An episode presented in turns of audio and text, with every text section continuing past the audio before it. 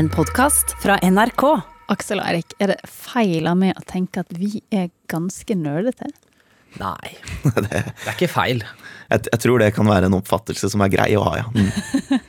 Altså, da jeg gikk på ungdomsskolen og videregående, så var det absolutt ikke nerdete man skulle være. Så jeg hadde jo briller, tannregulering, veldig dårlig hår, og ligna veldig da på disse her stereotypiske nerdene man ofte så i film og på TV da jeg vokste opp.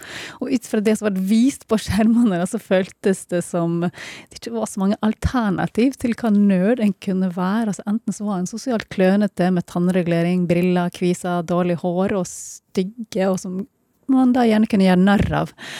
Eller så var en alt det jeg nevnte nå, bortsett fra at man ble liksom kjempepene hvis man bare tok av seg brillene og begynte å oppføre seg mer som de populære. Den klassiske Hollywood-modellen. Mm. Ja, ikke sant? Skoleball og av med brillene, så ja. Mm, og vips, så finner du prinsen, skulle du si. så det, det, føltes jo en sånn periode som det ikke var så veldig mange å si, se opp til som sånn kule nerder. Men har dere lagt merke til at det, det nå begynner liksom å endre seg litt? At det, endelig begynner å vise litt sånn nerder som jeg i hvert fall skulle ønske fantes på skjermen da jeg var mindre? Ja, det er, det er vel kanskje sånn, sånn fort det er òg, at de som etter hvert begynner å jobbe med disse tingene, de var jo nerds en gang. Så de, de, blir jo faktisk flinke på ting også. Så det, det, kan vel hende at det er det som er Nå skal de ta igjen med å lage historier om nettopp nerdene. Mm. Ja, for jeg tenker jo det, det, å være litt nerd har jo egentlig alltid vært kult. Det å være flink i noe, det å kunne mye om et eller annet. Og det å og du er, du er, litt yngre enn oss, du. det å ha engasjement for noe har jo alltid vært, syns jeg, da, veldig spennende. Men det handler jo kanskje litt om hvordan man blir portrettert eh, på kinolerretet, sånn som du påpekte. Ja, og altså nerder som kan uh, like masse som nerder tidligere, men som nå er kulere, tøffere og tør å være annerledes på en ny måte. Det føler liksom har blitt en sånn større greie på skjermen, i hvert fall, og som jeg setter veldig pris på. Sånn som karakteren Mave i den nydelige Netflix-serien Sex Education, når hun møter kjekkasten på skolen på en fest. Maeve, er here? For now, Jackson, we're gonna go check out Amy's hot tub. Want to join? Maybe later. That might be fun. Hot tub's not really my thing. What is your thing then? Complex female characters. Og tenk da, hvis man hadde vært tenåring og kunne komme med den replikken her. Når du snakker med den altså, peneste gutten på hele skolen. Men altså. I dag, i podkasten i dag skal vi hylle nerden ganske masse mer, for vi, vi skal få anbefalt en podkast som er rett og slett er liksom deilig nerdete om musikk og alt som er rundt musikken. Dessuten skal vi få en konsertrekke som går rett hjem i stua di på en litt annen måte enn det du er blitt vant til nå under korona. Og vi skal snakke om en liten dokumentar som rører stort. Velkommen til Kulturstripas podkast.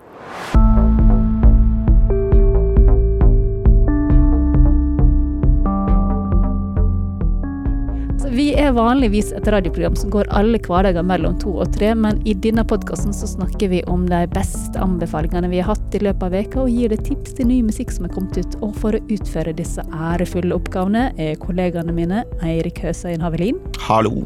Aksel Corneliussen. Hei sann. Og jeg, Jean Kristin Sena. Og vi begynner med det, Aksel. Hva er du med det? Du, jeg har med meg, som du innledet, en, en konsertserie. Eh, den kommer fra den amerikanske radiostasjonen NPR, som står for National Public Radio. De har drevet siden 2008 en, en YouTube-serie som heter Tiny Desk Concerts. Det tipper jeg dere har hørt om? Absolutt. Dere er jo nerder innenfor musikk. Dere, ja. ja, ja, ja. Vært inne i det i mange år. ja. og, og, konseptet går jo sånn som navnet tilsier, ut på at man inviterer musikere til denne radiostasjonen sitt kontor, og så får de fremføre ofte litt sånn nedstrippa litt andre altså, varianter da, av sine egne låter. Men med tanke på hva som skjer rundt oss, og restriksjoner med tanke på smittevern, og sånne ting, så kan jo de naturligvis ikke invitere musikere inn eh, til kontoret sitt. Men derfor har de invitert musikere til å spille konserter hjemmefra.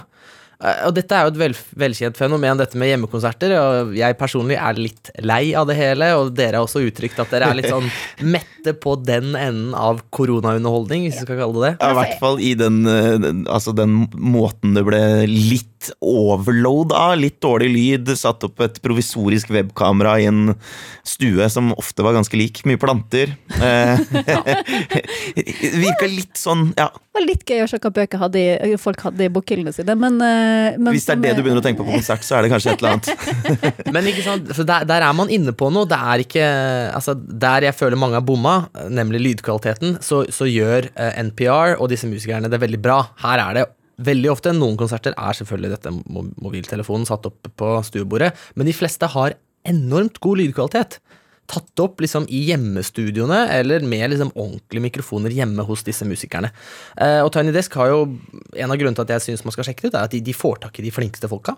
Tidligere, altså før denne hjemmekonsertserien, så har de hatt med seg folk som Lizzo, Rayful Sadiq, eh, Norges egne Aurora Sondre Lerche og, og Taylor Swift. Um, det er noe unikt med det du sa med også få komme hjem og se hva folk har i bokhylla. Få sitte i stua til folk. Særlig musikere man er vant til å se med svære sceneshow og koreografier og alt som mulig konsertopplegg. Bare plutselig sitte hjemme i sin egen lenestol, i sin egen sofa, og bare liksom klimpe litt på en gitar eller spille litt på piano. Der er det noe litt sånn sårt og litt unikt og personlig som jeg syns er kjempe, kjempefint. Um, akkurat den konserten jeg har tatt med nå, er litt spesiell.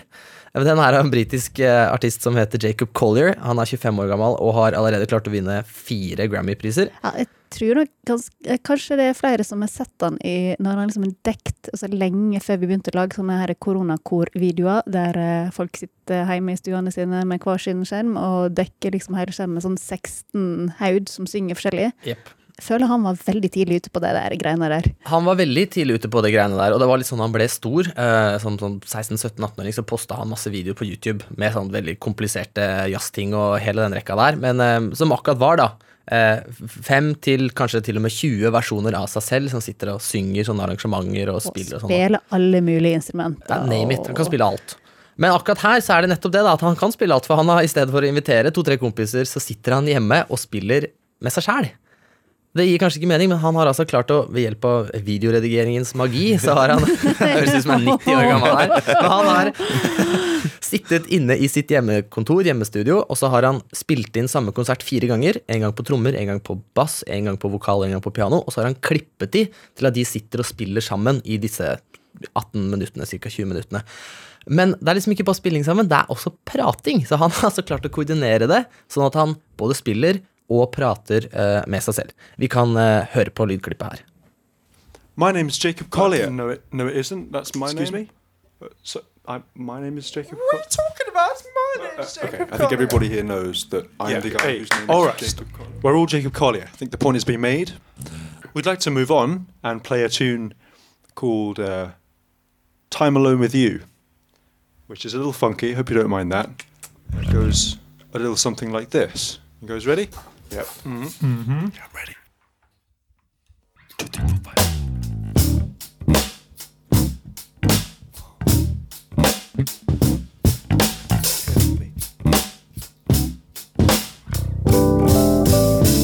If you wanna get sunshine all night, walking on the rooftop, moonlight, I'ma go get some time alone with you. Huh. Oh, we could go dancing all night, soak up the disco, moonlight. I dig it when I get that. Time alone ja, Det her går rett Jeg hjem til liker at meg, du bare fortsetter med synginga, Aksel. Ja, For du har sett den videoen her noen ganger? Er bare et par ganger. Kan Jeg, jeg kan nok ikke utenat.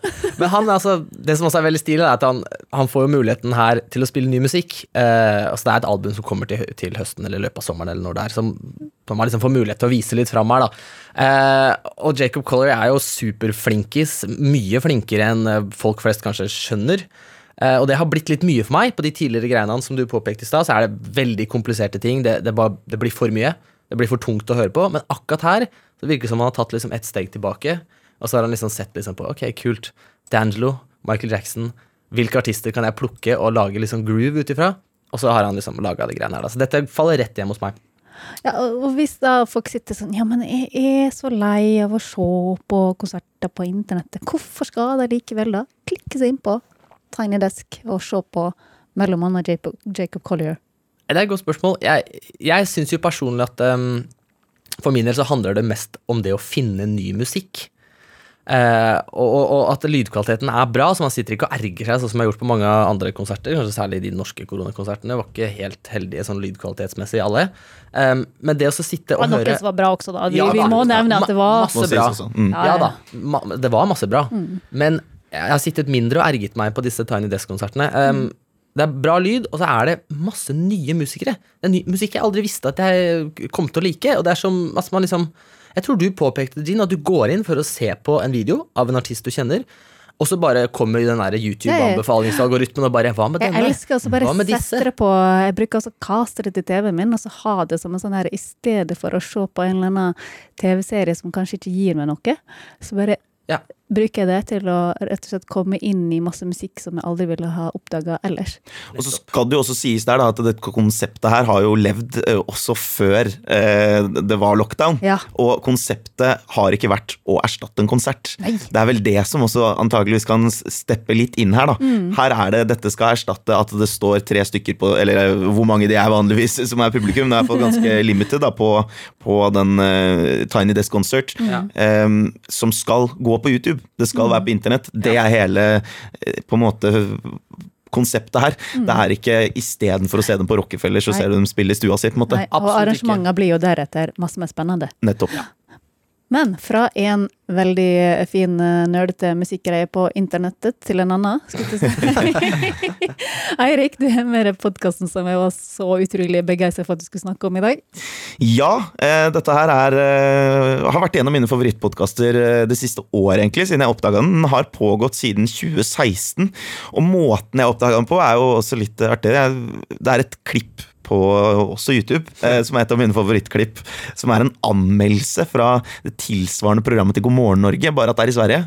Hvor det sitter en sånn jeg vil si han er litt sånn lunefull, nerdete anmelder, sammen med dette ganske streite programlederparet, eh, og anmelder en dokumentar om en sånn alternativ eh, sommerleir i Sverige, hvor det skjer mye sjuke greier. Og så har han tatt med da et klipp som er litt sånn smådrøyt, hvor det skjer noe dramatisk, og sitter der nesten som om han, han, han trigger de programlederne til at de skal bli satt ut. da. Og det var et eller annet med blikket hans, måten han å si det på, som bare gjorde at jeg bemerka med han allerede i det klippet, som jeg har sett ganske mange ganger. Og så så jeg en dokumentar om eh, det svenske bandet Broder Daniel, hvor han plutselig dukka opp i et klipp igjen eh, fra tidlig 90-tall på ZTV. Og det bare sånn, «Å men han her er faktisk en fyr, ja. Det er ikke bare en sånn tilfeldig anmelder. i- Ja. Eh, Og finner da ut at han her er en av de mest legendariske musikkjournalistene eh, i Sverige. Wow. Fra 90-tallet fram til i dag, og heter Fredrik Strage. Og da var veien kort inn til podkasten han starta i 2016, som heter Hemma hos Strage. Og så her skal vi faktisk hjem i stua til noen, for dette er eh, hjemme hos han. Han har fått med seg eh, mange store svenske artister, og sitter egentlig bare og nøler med dem i en sånn samtale som, som flyter på en helt egen måte, fordi han er så kunnskapsrik, men også så nerd på musikk på den måten eh, som også går på musikkulturen. Eh, historier, eh, sladder, eh, alle disse små tingene han har lest et eller annet sted. Innimellom så virker det som om han nesten vet mer om hva de som sitter der og han prater med, gjorde på utesteder på 90-tallet i Sverige enn det de vet selv, f.eks. Uten at det blir puteradio, på en måte. Absolutt. Ja, ja, ja. Absolutt. Det er bare i sånn derre Og han er jo en, en uten tvil også en sånn ganske klassisk nerd i fremtoningen. Um, men har hatt eh, et av de siste eh, episodene var med Perry Farrell fra Janes Addiction, et ganske store 90-tallsbandet. Han uh, starta så seinere den storfestivalen Lollapalooza, så det snakker de om. Eh, han har hatt eh, også flere store norske eh, artister innom. Eh, Thomas Seltzer har snakka om Turboneger. Susanne Sundfør eh, har kanskje en av de fineste podkastene jeg har hørt med eh, også der. Og så har han også da store, store navn eh, fra Sverige. Eh, Ghost eh, har han hatt innom. Han har også hatt liksom Loreen, Michael Stipe fra REM. Yes. Det, er- det er liksom ikke måte på. Men hvordan er det hvis du liksom ikke er sånn ekstremt kunnskapsrik innenfor musikk ikke Kan det liksom bli skremmende masse nerding, eller, eh, eller eh, går det greit? Altså, klarer de å snakke om det på en sånn inkluderende måte likevel? Jeg synes iallfall det. At eh, um, For meg også, da, som er ganske nerd, så er det klart at det blir et påfyll. At jeg får mer informasjon. Men en stor styrke i hele podkasten nå er at han er så ekstremt tydelig karakter. Eh, han er Han legger ingenting imellom. Og når da eh, motparten forstår det, og de klarer å opparbeide seg en, en kjemi og en forståelse av sine roller, så har de også veldig lett for å bare hakke løs på den, på en måte. Og at det er noe med det møtet der eh, som, som, eh, som treffer veldig. Og det syns jeg kanskje kom eh, aller tydeligst fram av de jeg har hørt, da, eh, med Ken Ring. En veldig hard eh, rapper eh, fra Sverige. Legendarisk rapper. Eh, som Han var blant annet, faktisk apropos Thomas Seltzer, han var innom Trygdekontoret og snakka om eh, forstedene utenfor Stockholm eh, i en episode. Og har liksom vært, ja, vært inne i, i liksom litt hardere miljøer også, da, eh, ved siden av hiphopen. Men de har fulgt hverandre gjennom 17 år, eh, og kjent hverandre da hele veien, og er to vidt forskjellige karakterer. Jeg skulle ikke spørre er de gode venner, men Ja, på en måte er det jo det. Eh, Han har vært med å lage reportasjer, men det er også på hver sin eh, front. Og det er så fascinerende i det møtet her òg. At ja, de snakker om eh, historier, men de snakker liksom også om Det blir et møte da mellom to veldig veldig forskjellige mennesker som fortsatt har respekt for hverandre. Og jeg har med et klipp her nå hvor Fredrik Strage da forteller til nettopp Ken Ring om at han gjerne ville ha med faren sin på Rolling Stones eh, i 1996, men at han da eh, automatisk bare spurte Hæ, men hvorfor så du det ikke på 70-tallet? Det er jo helt tullete. Eh, og dette her er da responsen til faren. da. Jaha, okej, ja, men då går vi vel ikke på Stones da. Og nå i efterhand, så här 20 år efter, så var jeg helt dum i huvudet.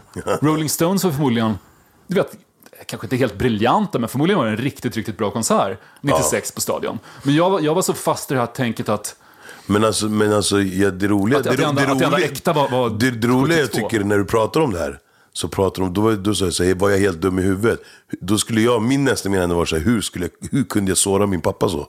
Det har du inte tänkt på, eller som att han blev kanske besviken att inte du ville gå med. Har- Du har- tänker mer att konserten kanske var bra. vi vi och det är det jag menar med det här jävla, du liksom, det jävla grävandet i ditt huvud liksom. Okay, där har du en väldigt, väldigt bra poäng. Jag har dock gått på, med min pappa på flera konserter sedan dess. Okej. Och verkligen tagit med honom och, och inkluderat honom i den grejen. Men vad jag ville komma till var också att... Och så ber man om ursäkt. Mina, Förlåt, pappa. mina, föräldrar, mina föräldrar brydde sig liksom inte om musik på 70-talet. Og Och då frågar jag men varför kunde ni missa alla de här fantastiska spelningarna? Och pappa säger, ja men vi hade barn då. Mm. Och det gjorde mig rädd när jag hörde den grejen och var 22-23. Det gjorde mig rädd för att få barn. För jag tänkte att har man barn så, så, Så kommer inte de vilja hänga med mig. Så-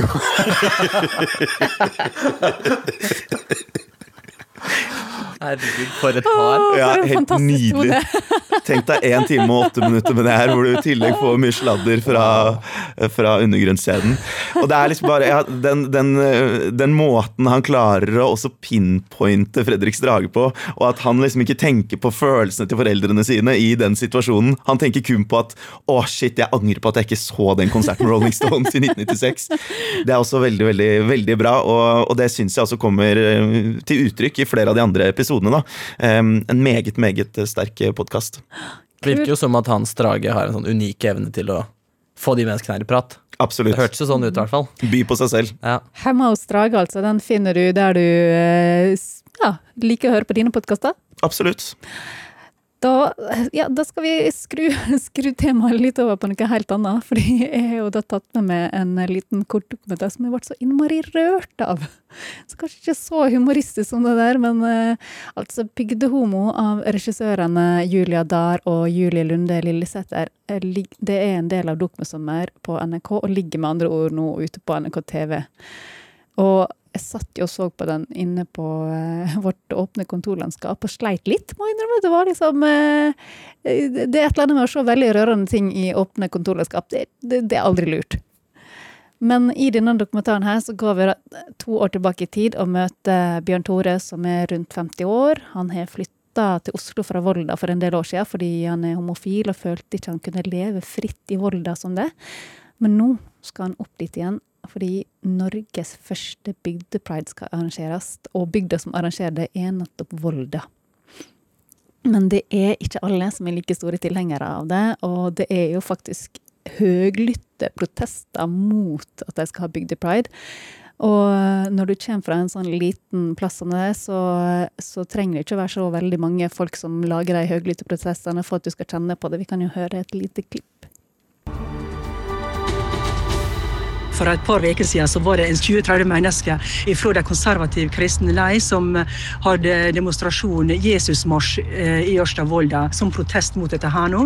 Det var sagt fra en pastor der at Volda og Ørsta kom til å bli straffa, slik som Sodoma og Gomorra ble det i bibelsk forstand. Da særlig den kristne gruppa Nytt Liv Senter som er veldig imot eh, bygdepriden og går i demonstrasjontog mot det.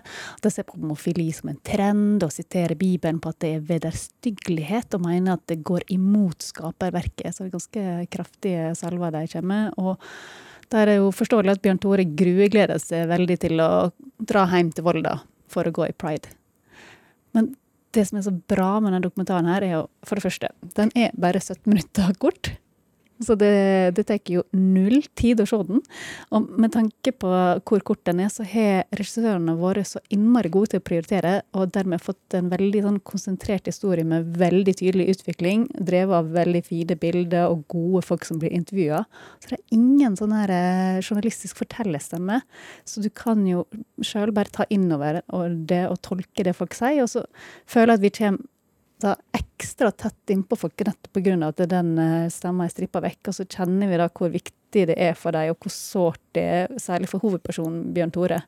Så er det det med å høre alle disse her eh, heftige tingene de konservative kristne mener. Altså, hvordan har dere med å høre folk si ting som dere er veldig sånn grunnleggende uenig i? Jeg blir veldig provosert, merker jeg. jeg. I hvert fall når jeg hører folk uttrykke seg sånn som jeg innbiller meg at de kommer til å uttrykke seg i den dokumentaren her. Um, jeg tror det går på, for min del, sånn urettferdighet er bare så utrolig vondt. Um, men kan jo bli kjempefint, da. Og ut ifra hva du sier, så høres det ut som at det er en veldig fin dokumentar. Men um, jeg kan se for meg at jeg i hvert fall kan bli både altså, altså, altså, bli veldig rørt, men også litt sint. Og du, Erik? Ja, nei, jeg, jeg, kan absolutt si meg enig i det. Um, men det, det, det, høres jo også ut som at det ikke er dette som er fokus, eller? Altså, eh, det er, det er, vel ikke lagt på eh, at du skal bli provosert av disse, eller? Nei, det er det som er så fint. Altså, ja. fordi, eller det er Hva si? Det er til tider hardt å høre hva de tenker og mener, de konservative kristne, men samtidig så syns jeg de i denne filmen her er gjort de mindre karikerte og mer komplekse på tross av den ekstremt korte tida. Så, så de, de kommer på en måte fram på en, på en snill måte, tross sine veldig heftige meninger. Altså det, det, gjør det mer menneskelig, da, på et vis. Og så er det det at det, eh, Altså, jeg kommer jo fra bygda sjøl, og det er ikke så langt unna denne handlinga i dokumentaren. Og det er veldig masse jeg kjenner igjen med det med tanke på det å være annerledes, og det å oppleve at folk ikke liker det pga. at du er, ja, du er annerledes. Og i Bjørn Tores tilfelle, å oppleve så opplever han at det er direkte farlig å være den han er. For en del år siden ble en kamerat av meg også slått ned i Volda på et utested fordi han sa han var homofil. Og Han skulle da snakke til politiet om det, og fikk beskjed om at eh, når du sier du er homo i Volda, så må du regne med å få deg et slag på trynet. Det er da 25 år siden jeg har turt å gått ut på et utested i Volda. Det er jo samtidig veldig sterkt at han deler det her, da. Og at han åpner såpass opp, og at man får være med på denne reisen på en måte òg, da. Det er nettopp det de har vært så gode til. De har kommet så nært innpå folk, og du, du får sånne gullkorn, eh, altså såre gullkorn, servert i løpet av de 15 minutter mm. på rekke og rad. Og den følelsen da, når du, når du har fått, uh, fått fram hvor viktig dette her er for han, Eh, og hvor hardt det har vært for han. Når du da veit at de enden altså Det er jo ikke en uh, spoilerfølge, fordi det er på en måte hele konseptet. Men uh, den blir så ekstremt stor og voldsom, den følelsen av å bli hylla av både kjente og ukjente for akkurat den annerledesheten du har slitt med gjennom hele livet. Så jeg kjente som sagt det var utrolig vanskelig å holde øyekroken tørr da vi nærma oss det klimakset. det skjønner jeg. Jeg merker jeg blir rørt bare du snakker om det. Veldig bra. Jeg vil anbefale folk å se den, altså. Og den er som sagt bare 17 minutter lang. Så du trenger faktisk ikke å sette av hele sommerkvelden for å se den. Du kan bare liksom sette den på når du føler at du skal heie litt på kjærligheten og bli litt rørt. Du finner altså Bygdehomo på NRK TV. Folkens, denne veka her har det også kommet masse ny musikk. Altså Kygo og Tina Turner har samarbeid. Jeg så det. Han En har remix, i hvert fall. Mm. Ja, han har vendt snuta mot, uh, mot 80-tallet, rett og slett. Han, altså. Ja, ja, Første Whitney og nå det her. Det, Men, eh, men eh, man kan jo, altså han, må jo få, han må jo ha fått lov, så, så man kan det kanskje nesten kalle det samarbeid. Ja, det, jeg tror vel de kaller det det offisielt, i hvert fall. Mm. Selv om det strengt tatt er en remix. Er du sikker på at det er remix? Ja, det er det. Det er det? Ja. Mm, men, men altså, det er ikke det vi har tatt med oss til, eh, til podkasten i dag. Eh, Aksel, hva har du funnet fram? Du, jeg har eh, tatt med et nytt album fra den britiske artisten Laiane La Havas. Eh, og jeg skal ærlig innrømme at uh, fram til jeg hørte på den skiva her, så, så visste jeg ikke hvem hun var. Aldri hørt om. Uh, Er det sant? Ja, det er sikkert jeg som uh, ikke har klart å holde øyet oppe, da. Men for hun vant Hun vant nemlig Hun ble kåret i hvert fall til Album of the Year i 2012 av iTunes. Og har blitt nominert til priser eh, på Grammy og British Awards. Brit Awards, beklager. Um, men det har altså gått fem år siden sist hun slapp skive, og det er kanskje derfor jeg ikke har fått det med seg, for nå har det vært stille en liten stund. Men uh, slapp altså i, i dag uh, den selvtitulerte skiva Lionel Havas. Og jeg, jeg, bare kjempekul skive. Utrolig sånn sjelfull. Mye, veldig mye bra spilling, mye bra tekster. Rett og slett en, en fin, en fin skive. Bra album. Um, særlig den låta jeg har tatt med nå, som heter Weird Fishes, som originalt er en Radiohead-låt. Det syns jeg er veldig festlig. Her i en skal vi si, velkjent, men også ny drakt.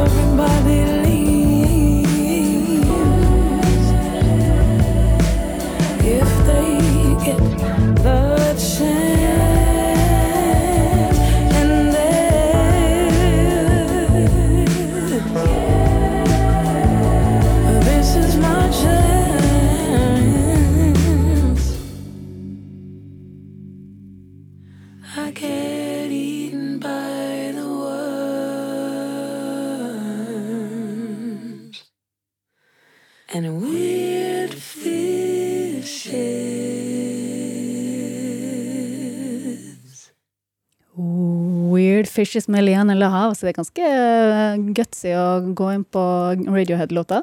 Det syns jeg òg. Det var derfor jeg likte den særlig godt. Litt sånn som at det er gutsy å gå inn på Tina Turner. Låt. Det er eh, ja. Ja, der sa du det. Mm. Men da, Eirik, hva er du med deg? Jeg har med meg eh, Han må jo nesten kunne kalles en liten sensasjon. Starta opp med noen låter eh, tilbake i 2015. Jeg tror jeg hørte det aller først starten eller en eller annen gang i løpet av 2016. Hvor det bare var noen låter som lå ute på, på nettet. Ung bergenser. Eh, siden det Eh, P3 Gull ble nominert for eh, Årets nykommer. Han har spilt på Coachella-festivalen. Han har spilt på større scener på Øyafestivalen. Ordentlig gjennombrudd. Det er snakk om da Boy Pablo, som egentlig heter Nicolas Pablo Rivera Munoz. Eh, og han er ute med en ny låt denne uka. Slapp vel det på tirsdag, tror jeg. Som er han i et nøtteskall, på en måte. Det er sommerlig, det er uh, blid musikk, uh, vil jeg rett og slett si. Du hører at han smiler uh, når han spiller, og at bandet også gjør det. Og det kommer godt til uttrykk også i låta Honey.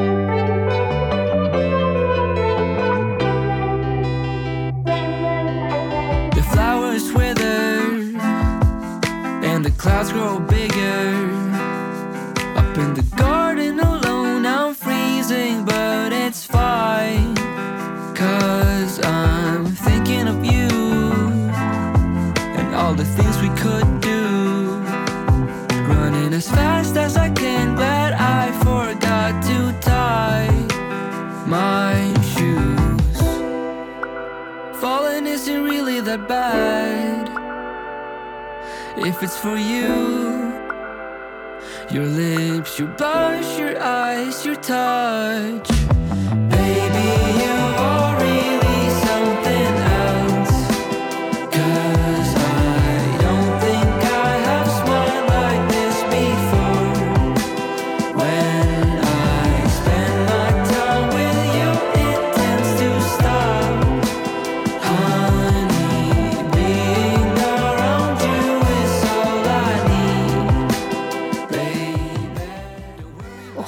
Jeg vet er det regn i Bergen som gjør at bergensere er så innmari gode på å lage sommerlåter? Det kan eh, godt være, altså. Det er skikkelig god stemning. Så jeg tenkte jo at eh, jeg, Siden jeg visste hva dere skulle ta med, så tenkte jeg at jeg måtte ta med noe helt annet. Og da endte jeg opp med Bill Kellen for han driver og gir ut uh, ei låt hver uke nå fram til platens Gold Record kommer i september. Og en av de tre låtene han har gitt ut hittil, det er Pigeons, og høres slik ut. Well, the pigeons ate the wedding rice and exploded somewhere over San Antone.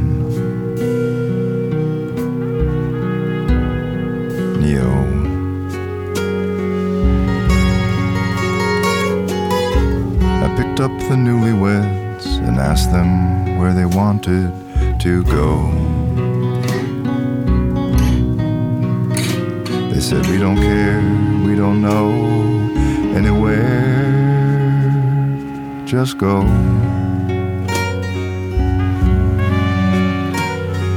Ever since I'd gotten married, I started working weddings, driving this long white limo.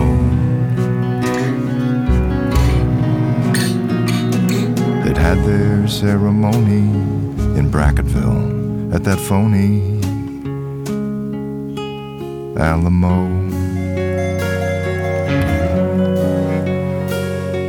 We were 30 miles from the border of Mexico. Bill Callahan der med Pigeons. Fine greier, altså. Veldig kult. Jeg hørte litt av den i stad, men eh, nå kanskje litt bedre headset her i studio. Da fikk man liksom eh, hvor god lyd det faktisk var òg. Jeg følte nesten forsvant litt inn i det lydbildet der. Det er det som å altså Jeg får veldig lyst til å sitte på en sånn her terrasse med gyngestol. Når jeg hører den låta, er det veldig Ja, det ja. Uansett. Dette her var faktisk det vi rakk i Kulturstripa sin podkast i dag. Aksel Corneliussen, Eirik Høstheim Havelin eh, og jeg takker dere som hører på for at dere gjør akkurat det. Og jeg tenkte faktisk vi skulle avslutte med verdens enkleste quiz for dere, Eirik og Aksel. Ok. Første spørsmål. Når går det vanlige radioprogrammet vårt? Førstemann. Eh, To til tre alle hverdager NRK P2. Poeng til Aksel. Og hvordan kan folk tipse oss med podkaster, bøker, musikk eller hva som helst som vi bør sjekke ut? Kulturstripa alfakrøll nrk.no. Der var du veldig rask, Eirik. det Det er 100 000 millioner poeng til begge to. Og med det sier vi ha det bra. Ha det. Du har hørt en podkast fra NRK. Hør flere podkaster og din NRK-kanal i appen NRK Radio.